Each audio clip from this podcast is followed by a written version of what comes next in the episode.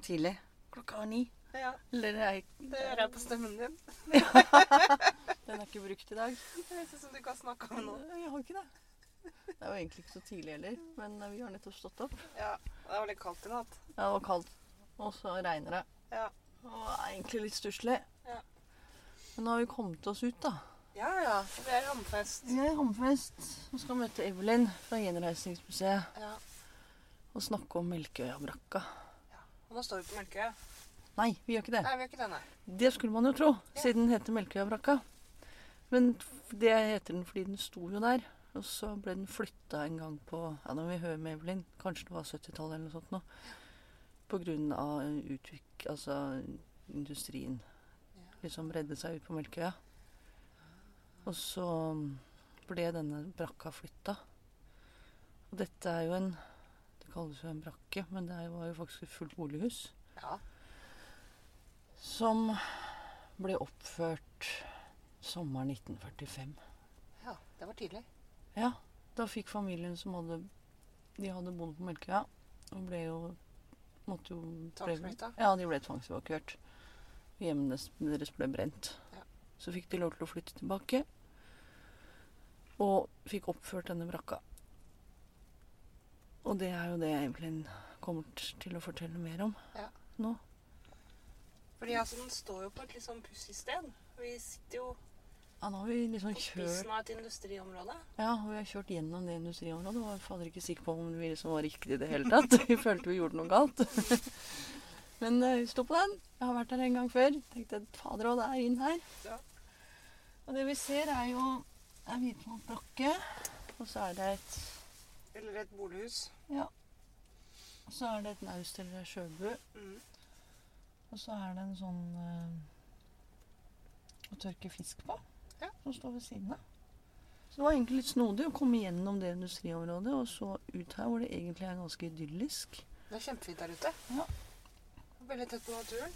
Ja, det er jo helt ytterst på en odde. Det er til og med litt fyr på Ja. yttersida her. Ja, ja, ja. Jeg tenker liksom Man skjønner jo hvorfor folk har slått seg ned her med Ja. tanke på næringsgrunnlaget. Ja. Er Kort, kort vei til sjøen. Kort vei til sjøen. Skal vi gå ut og så vente på Elin? Titte litt rundt? Ja Kan vi gjøre. Ja, så hoppa vi ut av bilen, Ja. og etter hvert så kom Evelyn. Evelyn kom. Hun er avdelingsleder på Gjenreisnings Gjenreisningsmuseet. Mhm. Og så tok hun hadde jo med nøkler. Hun hadde med nøkler, så vi fikk lov å komme inn i brakka. Ja, Og der fortalte hun litt mer. ja, og det var veldig interessant. Um, vi står jo i en gjenreisningsbrakke nå. Det er mange som sier at det, det er et veldig, en veldig stor brakke. At det ikke minner om en sånn helt vanlig brakke som de hadde. Og det er jo et midlertidig husvær for dem som skulle bygge opp igjen husene sine etter andre verdenskrig. Eh, Den her sto opprinnelig på Melkøya, som er den øya som LNG-fabrikken står på her ute. Eh, Den ble flytta hit i forbindelse med den LNG-anlegget som ble bygd der i 2002. Så ble det flytta hit. Em, og så ja, ble det satt opp her og overtatt av Hammerfest kommune Ja. som eier. Og museet har formidlingsansvaret her, da. Så vi formidler her. Så i fjor så starta vi et litt større prosjekt her. Det var kanskje året før, når jeg tenker meg om. Tida går så fort. Så begynte vi å søke midler på å få oppgradere utstillinga her. Og um, jobba De ansatte på museet har liksom vært et team, da, alle sammen, og jobba i lag om både samlingsforvaltninga, formidlinga og markedsføringa og alt. Ja, så fikk vi en del midler. Vi fikk fra Finnmark fylkeskommune og Nordenfjelske bykredittstiftelse til å lage utstilling og formidlinger. Ja, så gøy. Og så samarbeider vi med Hammerfest kommune også uh, om å søke midler til restaurering av byggene. De står jo som eier, da. Så de søkte Fortidsminneforeninga og fikk midler til det, som dere kanskje vet. Um, og Sparebank1-stiftelsen. Så vi hadde en del midler i fjor, og her er punktrestaurert utvendig og bytta en del um, på taket og under taket. Også vinduene er eh, original, eller delvis originaler. De som er De her husmorsvinduene, de er restaurert av, um, av på et kurs som var med videregående skoleelever. Ah, Så det var vel ni-ti skoleelever fra videregående byggelinja som, eh, som deltok på et prosjekt med å, eh, å restaurere dem. Så det var jo veldig, veldig bra. så bra. Det ser jo kjempefint ut. Ja, det var, det var noen som gikk over dem etterpå. For det var noe, noe som, Men det må man jo bare regne med. Men så fint. Mhm. Det Så, og der var de jo med helt fra starten, der de fikk ta ut og merke. Og det var jo han Ellef Stenvold Sten, Stensli Ja. som eh, var instruktør på to dager her. Og, Mhm. vi har jo vært innom Ellef Ja, dere har det? Ja. Ja. på veien. Ja. Så det er veldig Vi var fint. innom verkstedet hans. ja. Hvor han holdt til? Stippestad. Ja, mm, riktig. Nei, så nå står vi inne i Finnstua. Den er fin. Ja. Ja, ikke sant? Fordi Altså, dette var, altså, dette var jo opprinnelig de som Denne ble oppført i 1945, ikke sant? 46. 46. 46, Ja. Sommeren 1946. Så Melkøya der ute før LNG-fabrikken og alt det som skjedde der, det har jo vært eh, et viktig rorsted for området her i alle år. Og på 1800-tallet så ble det skilt ut som egen eiendom. Ja. Og det var eh, veldig mye multebær der, og det var rorsted, som sagt. Og, og det, var, det var noen rorbuer der em, til helt til å starte med. Og så ble det kjøpt på slutten av eh, 1800-tallet, så ble det kjøpt av nordmann eh, Johan Johan Nordmann Pedersen? ja? Nordmann Pedersen, ja. Ja. Um, og så eh, Det første året så torde han ikke å bosette seg der fullt ut, så han bygde et lite hus Mm. der. Og så lot han det stå en vinter for å se om det holdt i vinterstormene. Og det var jo veldig smart. Så året etterpå så, så så han at det sto, og da for han ut med familien sin og bygde videre. Ja.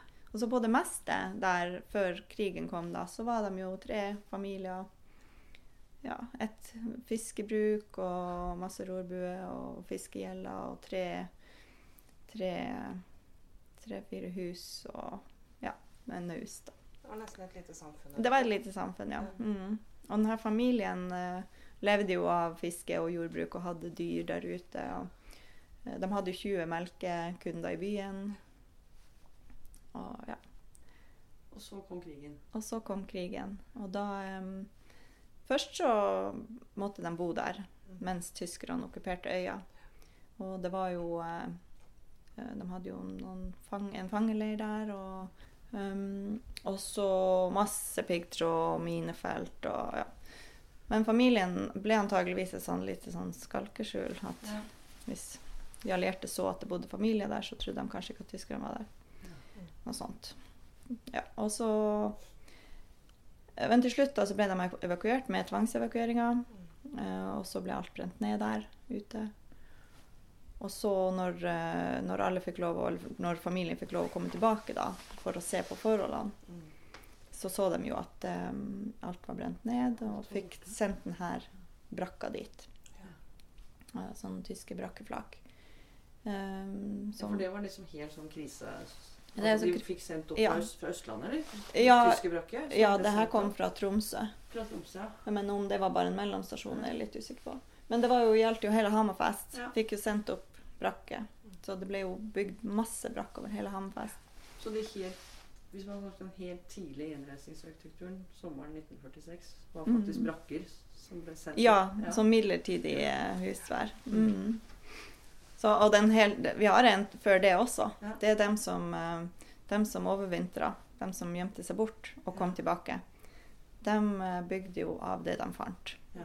De hadde, la jo tak, sånne kaistolper over murer som var brent ned. Eller gamle hus som var brent ned. De eh, kvelva jo båter og lagde båtgamme. Ja. Eh, ja, de la bare blikk over. Mm. Ja, det var veldig midlertidig. Og så brukte de jo eh, de helt eh, provisoriske. De brukte jo eh, sånn her flyplassplank Ja. fra flyplassene rundt omkring som ikke var blitt brent. Mm. Har man noen tidsvitner som har snakket om på en måte hvordan det var å komme på en måte tilbake og stå på den plassen hvor de ble tvunget bort fra, og så se at Mm, mm. Ja, det er jo folk som har snakka om allerede før det, når de ble tvangsevakuert også. Så var det jo mange som f.eks. da seilte ut av fjorden og så bygda si brenne ned, eller så huset sitt brenne ned. Allerede da. Eh, og så når de kom tilbake, da, så Det var jo ikke alle damer som fikk lov å være med tilbake eh, rett etterpå, men vi har eh, noe brevveksling som er gjort om til et lite hefte som vi selger på museet eh, på Gjenreisningsmuseet som heter um, 'Herregud, hvor her ser ut'. Ja. Og det er en sånn brevveksling mellom ei som kaltes for Mossa, og eh, ei anna dame, da, lenger sør i landet. Em, om det livet som de levde da når de kom tilbake hit, og så hvordan det var å bygge det opp igjen. Hammerfest. Ganske barskt. Ja. Men dette viste seg at det ble ikke bare midlertidig? Ja, det her eh, De kom jo tilbake etter krigen og bygde opp den her. Og prøvde å ta tilbake igjen det samme drifta Mm. som før krigen. Men de fant jo fort ut at det ikke var så lett. Delvis pga. Mye piggtråd som dyrene gikk seg fast i. Ja. Så etter hvert da så ble det her bare en som, et sommersted Ja. for dem. Og da ble den stående. Da ble det liksom aldri bygd opp et gjenreisningshus sånn som vi ser tradisjonelt i resten av byen. ikke sant. Ja, for de brakkene som da kom opp tidlig, da i sommeren 46, de ble da ble, de ble byttet ut med gjenreisningshusene når liksom, Mm. den store utbyggingen begynte. Mm. Da er jo dette egentlig en veldig viktig minne. Veldig viktig. Det er jo det eneste, den eneste gjenstående brakka. Ja. Selv om den er nok litt større enn de helt vanligste brakken Ja. som var. Så det er mange som kommer inn her som kanskje kjenner til brakken. Som sier at oi, den var stor, liksom. For den har jo både kaldkjeller og loft. Mm. Og museet overtok det, sa du kanskje i stad? men- Nei, Hammerfest kommune står som eier. De overtok det da i 2002-2003. Og så har eh, vi et samarbeid med dem, da. Og det var da den ble flytta fra Melkøya til Ja. Hva heter det vi er nå? Fuglenesodden. Fuglenesodden? Ja. Mm. Mange som kaller området her for Skansen også, for rett bak her er det en sånn skanse fra napoleonskrigen. Aha. Mm. Men ikke sant, vi kom jo inn her, og det er jo som å komme inn i en sånn 50-talls uh, Boble. boble, liksom. Ja. ja. Det er det dere som har Ja. bygget opp, eller? Ja. Vi har jo panelet her og inne på rommene og takene og alt sånn er jo originalt. Det her er restaurerte taket i samme stil, da. Ja. Um, men eh, men utstillinga er altså de ansatte på Gjenreisningsmuseet som har, eh, som har laga. Så gøy. Mhm. Det er veldig fint her. Ja. Takk for det. Det er virkelig en sånn tidskapsel å komme inn i. Kjempefint. Så her har vi laga en liten sånn utstilling. Det er, det er jo en liten lokalhistorisk utstilling da, fra regionen om hvordan regionen har utvikla seg. Og vi, vi tenker jo også det i forbindelse med utviklinga av museet. Så vi jobber jo nå med, med et prosjekt med å utvikle Gjenreisningsmuseet både på nasjonal rolle og lokal eh, rolle, da. Så vi har jo en historie som egentlig er fra olje til olje Ja. sånn lokalt sett eller i regionen. Men samtidig så har vi jo også den nasjonale rolla med tanke på at gjenreisninga og, og evakueringa At hele, hele Norge ble jo et flyktningemottak. Og det er jo så viktig å ta vare på de historiene til alle de som, de som måtte evakuere, og hvor de for, og hva de opplevde, og, alt som skjedde her i Finnmark med Øst-Finnmark, og som ble frigjort før tvangsevakueringa starta. Ja. Så det, det er av nasjonal verdi. Så vi jobber Ja. veldig med å få det, få det fram. Og nå har vi jo to som jobber med doktorgrader, ja, som skal disputere nå i høst. Hva er det de skriver eh, Eh, det handler om det temaet fri, frigjøring og evakuering. Hun ene, hun ene skriver liksom om det som skjedde her og i Øst-Finnmark. Holdt seg her hjemme. Og hun andre hun skriver om dem som for sørover, og hvor de for da og hvor de ble tvangsevakuert, og hva som kan oppleve. Mm. Ja, fordi at dette er så interessant, for vi snakka jo også litt om det. ikke sant? Altså Mange forbinder jo Vi er jo utgangspunkt i liksom kulturminnevernet. Og veldig Mm. mange forbinder jo det med lafta bygninger og, Mm. og 1800-tallet. Ja. Så det er en sånn enorm oppgave, egentlig, på, på å få fram verdiene i etterkrigsarkitekturen. Mm. Mm. Som jo er en gjenreis... Altså som jo er en sånn byggeoppgave som Ja. man jo nesten ikke finner maken til Mm. i historien. Ja. Og som langt på vei egentlig Altså hvor mye også har gått tapt, ikke sant? Fordi man ikke ser verdiene Ja. i dette. Fordi det jo Mm. er en ganske sånn enkel Mm. arkitektur. Ja. Eh, som mer blir ja. feil å si liksom er satt opp av nødvendighet. altså Det er liksom satt opp av nødvendighet. Folk trengte et sted å bo. Mm. Nei, så Det handler jo heller ikke bare om det materielle, det er jo litt den kollektive hukommelsen. Og det ligger jo så inn i margen til folk her oppe i Finnmark og Troms Mm. eh, at hver gang man snakker om noe som ikke gagner Finnmark eller Nord-Troms, så, så, blir, så, så blir man litt sånn Å, er det nå et overtramp igjen? Ja. Så, men, men det er liksom også det her med, med at det, den pågangsmoten mot det og optimismen som råder i Mm. gjenreisningstida, er jo egentlig formidabel. Uh, og, og det her med at um, Ja, man kan liksom ikke si at Østlandet eller at, at nedbrenninga av Finnmark og Nord-Troms eller gjenreisningstida her oppe ikke er av eh, nasjonal betydning, fordi at hele Norge sto klar til å ta imot flyktninger fra Finnmark. Og selvfølgelig med delte opplevelser. Man, Mm. Det er jo ingen opplevelse som er lik. Alle har jo sin egen historie. Um, sånn at alle har jo, eller hele Norge har jo vært en del av det Mm. av oppbygninga. Og regjeringa som da med sin planøkonomi eh, lagde og planla og sendte opp arkitekter til å bygge opp en region. Mm. Så vi, ja, vi syns det er viktig å påpeke at det, det er et nasjonalt anliggende, Ja, det er klart det. hele, hele tematikken. Mm. Det er en av de mest dramatiske, mener jeg, en av de mest dramatiske delene av krigshistorien. Mm. Ja. Å brenne en hel landsdel. Mm. Og på en måte tvangsevakuere hele. Ja. Det er jo helt vilt. Det, ja, det er det. Mm. Så det er jo litt av grunnen til at vi vil komme hit òg. Mm. At vi syns det er viktig. ja. Både husene, men også historien. Ja. Ja, men de, jeg synes de, var så, de er så flotte, de. For her får vi liksom alt egentlig veldig sånn fra Det er plansjer. Ja, plansjer Ja. med liksom hvordan det har utvikla seg. Ja. Fra Mhm. liksom bruk av ressursene, fiskevær, handelssentrum, pomorhandel og Mhm. ishavsfangst. Ja.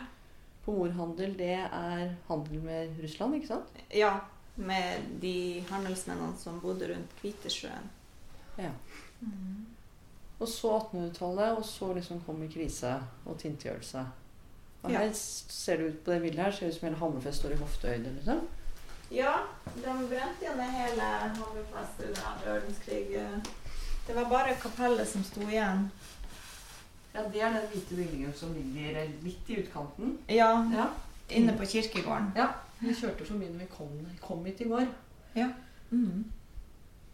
Det sto igjen. Og hvorfor? Det er mange, mange meninger om hvorfor eh, de lot eh, kapell eller kirke stå igjen. Og det kan være mange grunner òg, ut ifra hvilken plass du er på. Eh, men det kan være at det lå noen begravd der som var tysk. Det kan være at de var religiøse. Det kan være at de ville ha en plass der folk skulle komme tilbake til, de som hadde gjemt seg unna. Mm. Og så visste de da hvor de skulle gå ta dem. Det kan være at det var en kirkegård rundt. Fordi at man ser jo at noen kirker er brent der det ikke er kirkegård rundt. Ja. Men jeg tror nok ikke det er ett svar, fordi at det var veldig mange folk, og det var veldig mange plasser. Og noe kan ha vært et uhell. Ja. Så eh, For her ble husene rett og slett stukket i brann?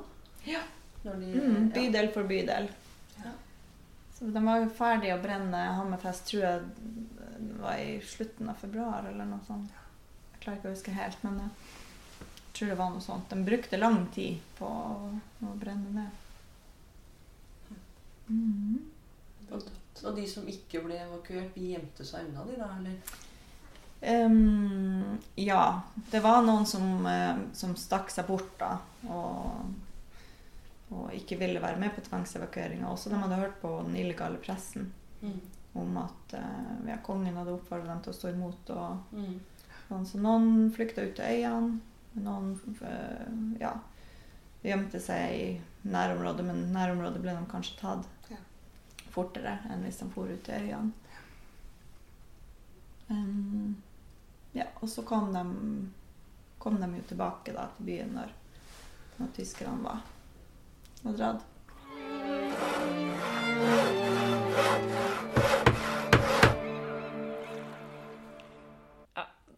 Det var viktig for oss å dra til Hammerfest og se på denne gjenreisningsbrakka. Ja, det var ganske tidlig med i planleggingen. Mm. Det var det. Og det er spennende av mange grunner, men dette er jo en gjenreisningsbrakke. Altså, bare sånn for å si det, det ser ut som et vanlig bolighus. Mm. men det. det, det kalles en gjenreisningsbrakke, og det skiller seg jo litt fra det vi senere i podkasten kaller gjenreisningshus. Mm.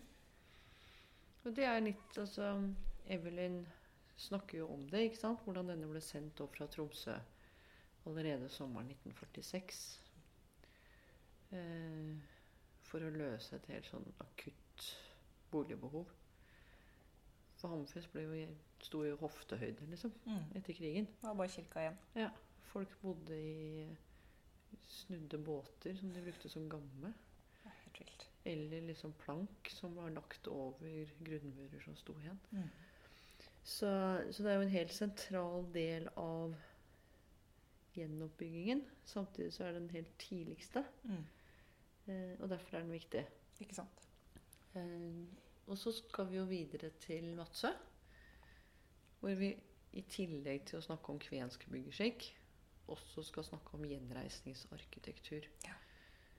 Eh, som mer en sånn del av en større plangrep gjort tidlig etterkrigstid. Ikke sant? Ja. Det var den store planen for å gjenbygge en landsdel.